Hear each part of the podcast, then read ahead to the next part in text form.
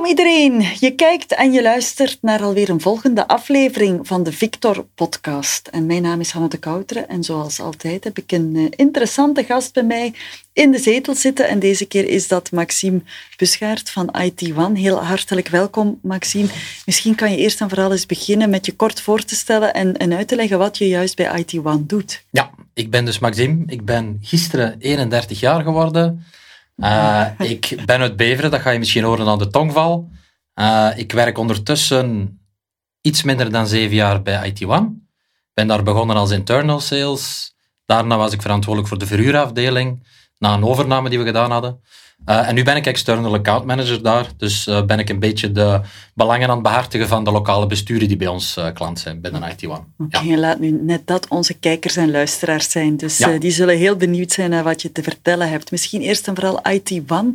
Kan je nog eens voorstellen wat, of vertellen wat jullie juist doen? Ja, klopt. IT One is eigenlijk een one-stop IT-partner. ondertussen meer dan 28 jaar ervaring vijftigtal medewerkers. Uh, ons hoofdkantoor bevindt zich in Dendermonde. Daar zitten de meeste medewerkers. Maar we hebben ook een vestiging in Antwerpen-Berchem. Uh, in, uh, we hebben ook in Gent-Brugge een vestiging. en we zitten ook in, even nadenken, Grimbergen. Ja. Oké, okay. wijd verspreid in Vlaanderen. Ja, klopt, verschillende inderdaad. plaatsen. Heel goed. Waar zijn jullie op dit moment heel concreet mee bezig? Met welke elementen? Uh, wij houden ons vooral bezig uh, met uh, een aantal dossiers en die zijn vooral rond to cloud or not to cloud, zoals wij dat noemen. Dat is wel een uitdaging waar heel veel lokale besturen voor staan en daar hopen wij ze in te kunnen begeleiden, in de keuzes die ze daar moeten maken. Um, wij leggen voor elk gemeentebestuur apart even de pro's en de contra's naast elkaar, want het is niet voor iedereen dezelfde situatie.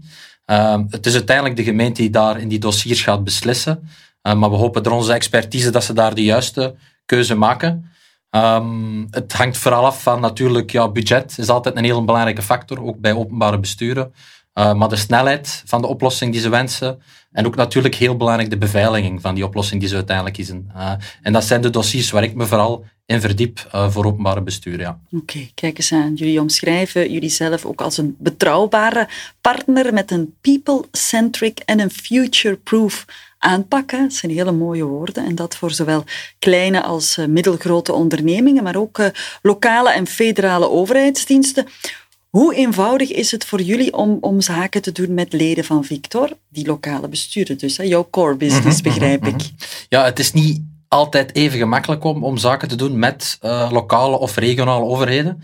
Um, we werken natuurlijk binnen een context waar er wat wetgeving is, de wetgeving rond overheidsopdrachten. Dus dat maakt het er niet gemakkelijk op. Uh, er zijn wel een aantal initiatieven van de overheid om dat te vergemakkelijken. Dus we, uh, we ervaren dat wel.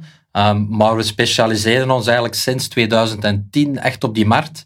Uh, en het is door het winnen van een raamcontract destijds met de provincie Oost-Vlaanderen dat we daar echt stappen in gezet hebben.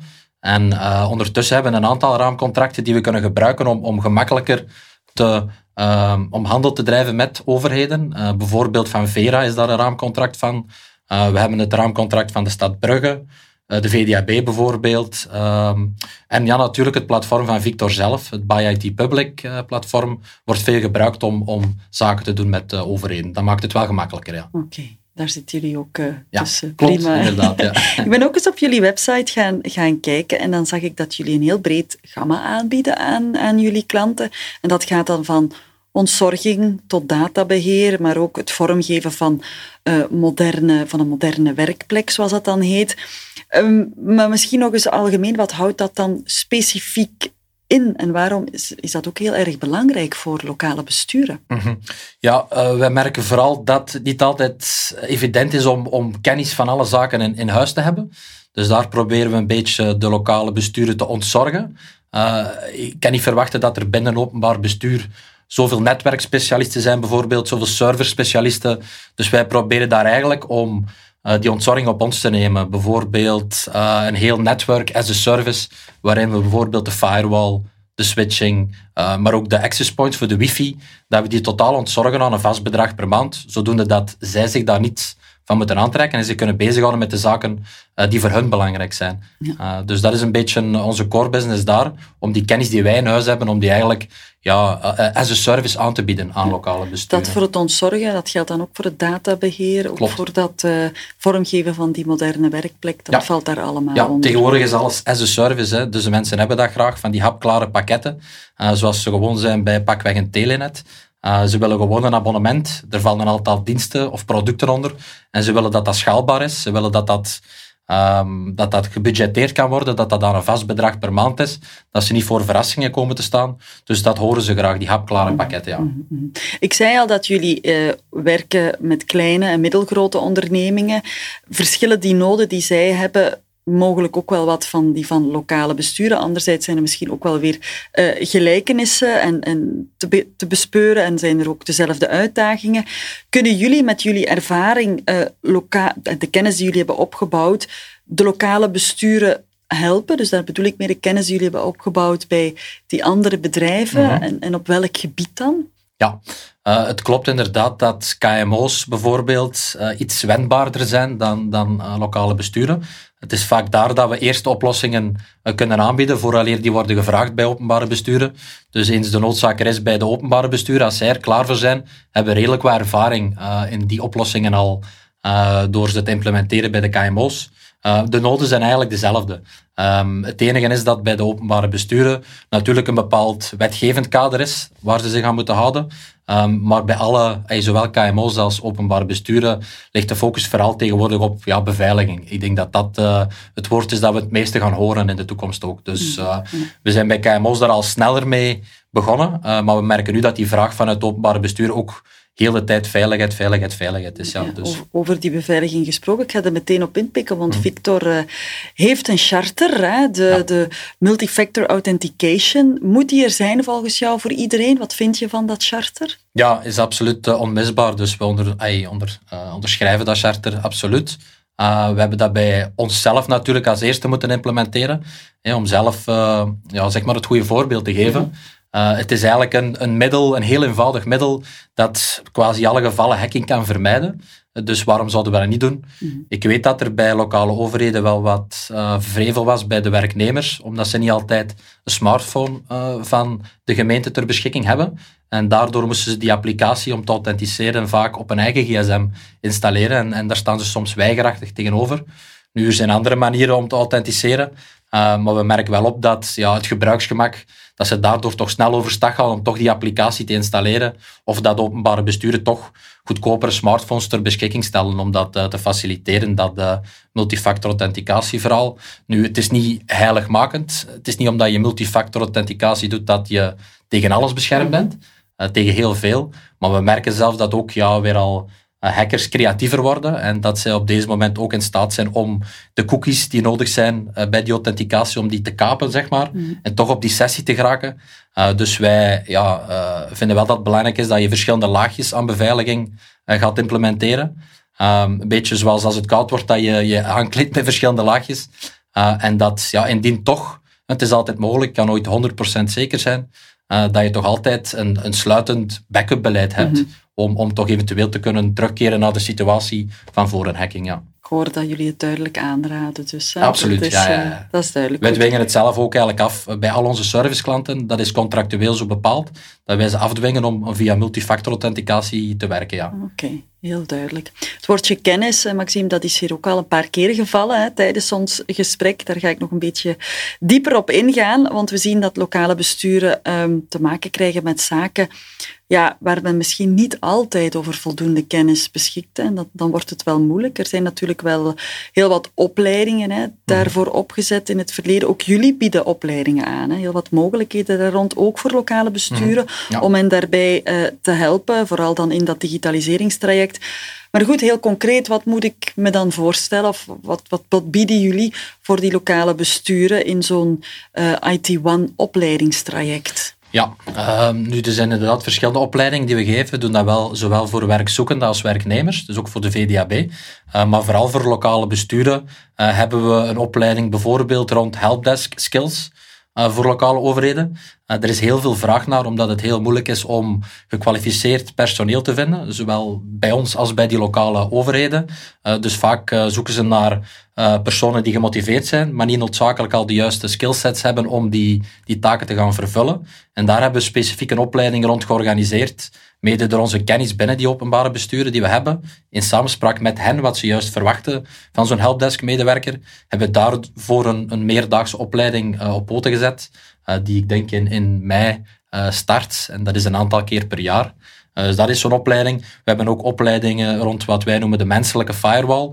Hè, want de zwakke plek binnen een organisatie is toch altijd meestal de eindgebruiker. Je kan zoveel tools hebben om uh, je omgeving te beveiligen, maar uiteindelijk komt het toch altijd binnen via een gebruiker, uh, om die steeds uh, te gaan trainen. Daar hebben we ook specifieke opleidingen voor. Mm -hmm. Oké, okay, dat is heel duidelijk. Veel opleidingen dus. Ja, Goed. absoluut.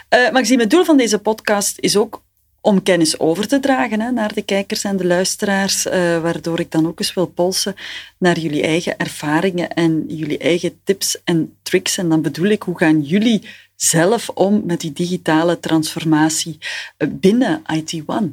Ja, uh, nu, we hebben ook een, een divisie die WeTrans. Uh, en, en daar proberen eigenlijk de tools die we al ter beschikking hebben, dat is vooral het Microsoft 365 verhaal, dat eigenlijk echt een, een Zwitser zakmes is aan tools, om dat te volle te gaan benutten. Want we merken dat heel veel openbare besturen, maar ook KMO's, een licentie hebben, maar dat niet ten volle benutten. En dus niet ten volle die digitale transformatie daarmee kunnen bewerkstelligen. Dat is iets wat we binnen IT One sterk op inzetten. Uh, en dan vooral ook voor gemeentes hebben we het uh, binnen ons WeBrand-divisie dat we in de ontwikkeling van overheidswebsites, dat we ook zorgen dat uh, er heel wat koppelingen zijn voor de burger bijvoorbeeld, in het kader van gemeente zonder gemeentehuis, dat er koppelingen zijn voor bijvoorbeeld boekings, reserveringen, uh, uit in Vlaanderen, het digitaal loket bijvoorbeeld, zijn allemaal zaken die ay, met die digitale transformatie helpen bewerkstelligen. Ja, ja, goed. Hoe lang bestaan jullie eigenlijk op dit moment? Uh, iets meer dan 28 jaar heb ik me laten vertellen. Oké, okay, ja, ik was er zelf niet bij in het begin, maar... Dus er komt wel een jubileum aan binnen twee jaar. Ik hoop het, ja. En dat betekent ook dat jullie best wel al wat ervaring hebben en ook de evolutie in de digitale wereld al ja, al die drie decennia bijna hebben, hebben gezien, hè, hebben kunnen aanschouwen. En dat zorgt er dan denk ik ook voor dat je een beter beeld kan schetsen van wat ons misschien nog wel te wachten staat. Hoe kijken jullie naar die toekomst, naar die toekomst ook, die digitale toekomst van onze lokale besturen? Ja. Ik denk uh, vooral dat het op termijn, en nu ook al merken we, minder belangrijk komt van, van waar de ijzerwinkel, zoals wij dat noemen, komt. Al halen die bij, mm uh, bij de mediamarkt, uh, om het zo te zeggen. Maar dat het vooral zal draaien rond, rond kennis, rond beveiliging, um, rond expertise inderdaad. En dat wij zeg maar, um, ons nog meer gaan moeten profileren als een, een ja, noemt een MSSP, dus een Managed Service Security, Security Service Provider, sorry. Op de markt. En dat mensen staan te wachten op hapklare pakketten die ze kunnen, kunnen afnemen. Dat ze niet zelf nog een serverlokaal hebben, maar dat ze dat laten ontzorgen. Bij hen op locatie, in de public cloud, in de private cloud. we merken daar zelf dat we daar stappen op aan het zetten zijn. bijvoorbeeld door een 24 op 7 Security Operations Center dat we uitbaten. een eigen Vlaams datacenter, wat heel belangrijk is, want de openbare besturen zijn niet meteen happig om, om data uh, zeg maar bij Microsoft in Amerikaanse handen zelfs te leggen. We horen veel over Chinese markt dat dat een heikel punt is, maar ook bij de Amerikaanse ja. uh, is dat niet zo. Uh, voor de openbare besturen wil de data hier in Vlaanderen of in België hebben. Um, maar ook Microsoft komt met een, een Belgisch datacenter in, in 2024 hier. Dus we denken wel dat daar een beetje concurrentie van zal komen wat public cloud betreft. Uh, maar wij zetten toch vooraan in op ontzorging en ons eigen Vlaams datacenter dat we kunnen aanwenden om die lokale bestuur te gaan ontzorgen. En dan vooral onze kennis rond beveiliging uh, daar uh, ja, ja. In, de, in de verf te zetten. Ja, ja ontzorging en die kennis uh, rond security ook mee overdragen. Dat is vooral de belangrijkste rol die jullie voor jezelf hierin zien weggelegd? of klopt. zijn daar nog zaken? Nee, ik denk dat dat de belangrijkste rol is. Ik denk echt dat managed security service provider, dat dat is de rol die we, die we zullen moeten opnemen in de komende jaren. waar we heel wat stappen hebben gezet. Dus eerst intern, om te zorgen dat we zelf uh, die kennis hebben en dat we alle regels zelf volgen vooraleer we die gaan uh, ja, eisen van onze, van onze klanten. Dat we er zelf volledig mee in orde zijn. Volgens internationale standaarden, zoals NIST, CIS-18, dat zijn een aantal van die standaarden, waar we ook een sessie rond organiseren op Victor Shop IT trouwens. Ehm, en dat proberen we dan als een goed huisvader ook naar onze klanten dan te gaan opleggen. En ik denk dat vooral die kennis en expertise in de toekomst van ons zal gevraagd worden. Ja, ja. en ook via opleidingen dus, hè, dat mensen daarvoor terecht kunnen. Goed, ehm, nog even terug ook nog naar die lokale besturen. Wat is er volgens jou nu nodig bij de lokale besturen? Um, er zijn een aantal zaken, dus ik denk inderdaad het charter dat Victor voorlegt van die multifactor authenticatie, dat dat een basis is. Um, ik denk vooral ook het besef inderdaad dat, dat die kennis in huis hebben, dat dat niet meer van deze tijd is en dat ze dat best overlaten aan partners die enkel dat doen. Dat is met alles zo'n beetje. Uh, wij als IT-firma gaan ons ook niet louter toeleggen op audiovisuele oplossingen. Daar hebben wij ook partners voor, dus ik denk vooral dat partnership vooral. Uh, ik denk uh, vooral dat ze moeten kijken naar hapklare pakketten. Um, dat ze daar, uh, zeker naar budgetten toe, dat ze daar niet voor onvoorziene situaties komen te staan. Uh, en ik denk echt dat ze ja, ik denk, uh, zich willen focussen op, op hun eigen takenpakket en dat ze niet die kennis noodzakelijk in huis moeten hebben. Ik denk dat het voornaamste is om te vertrouwen op, op partners en die verantwoordelijkheden bij de partner te leggen om zich echt met hun eigen core business bezig te houden. Ja. En waar willen jullie jezelf de komende periode op focussen? Ja, we hebben nu ook vast iemand in dienst rond dat security-verhaal. Dus echt eh, zelf iemand die bij ons verantwoordelijk is voor de security. Uh, en dat is eigenlijk het enige dat we tegenwoordig maar horen, security, security, security. Mede door Antwerpen en het verhaal daarvan, van, van hacking, is daar een enorme vraag gekomen naar, naar oplossingen. om dat 24 op 7 in de gaten te houden, die infrastructuur. Dat is iets wat wij veel horen. Um, ik denk inderdaad die opleidingen. Ik denk dat uh, de werknemers ook bij openbare besturen, dat ze daar nog te weinig opleiding krijgen. En ik denk dat dat zeker in dat snel veranderend landschap, dat ook security is, dat dat wel nodig is om, om ook de eindgebruiker daar constant mee mee te krijgen. Dat ze ook op die trein van die digitale transformatie kunnen, kunnen springen. Dus dat is heel belangrijke opleiding en security. Dat dat de twee belangrijkste zaken zullen zijn. Oké, de twee uh, zaken die, waar jullie je zeker de komende periode voor zullen inzetten. Hè? Ja. Tot slot, ja, we zijn al bijna aan het einde van dit gesprek gekomen, Maxime. Wat wil jij de kijker of de luisteraar nog meegeven vanuit jullie perspectief? Oh, uh, moet even nadenken, maar misschien... Uh... Nog een tip of, of, een samenvatting, of dat je zegt... Uh... ja, ik, ik, probeer altijd, als ik nu naar openbare besturen ga om het gesprek aan te gaan, probeer ik altijd laagdrempelig te starten. Dat kadert een beetje binnen die future-proof, maar people-centric visie die we, die we hebben. kort uitgelegd wil dat eigenlijk zeggen dat we altijd willen meestappen op alle technologische vooruitgang die er is maar dat we niet noodzakelijk blind nieuwe oplossingen willen gaan voorleggen aan klanten. Mhm. We willen dat steeds aftoetsen en dat is dan dat people-centric met de gebruiker die uiteindelijk met die tools moet gaan werken. Uh, die daar misschien enkele barrières van ondervinden. Dat was bij multifactor authenticatie ook zo. Dat is een extra drempel om aan te melden. Uh, maar ook natuurlijk naar de IT-beheerders van de lokale besturen die dat ook moeten kunnen beheren, onderhouden.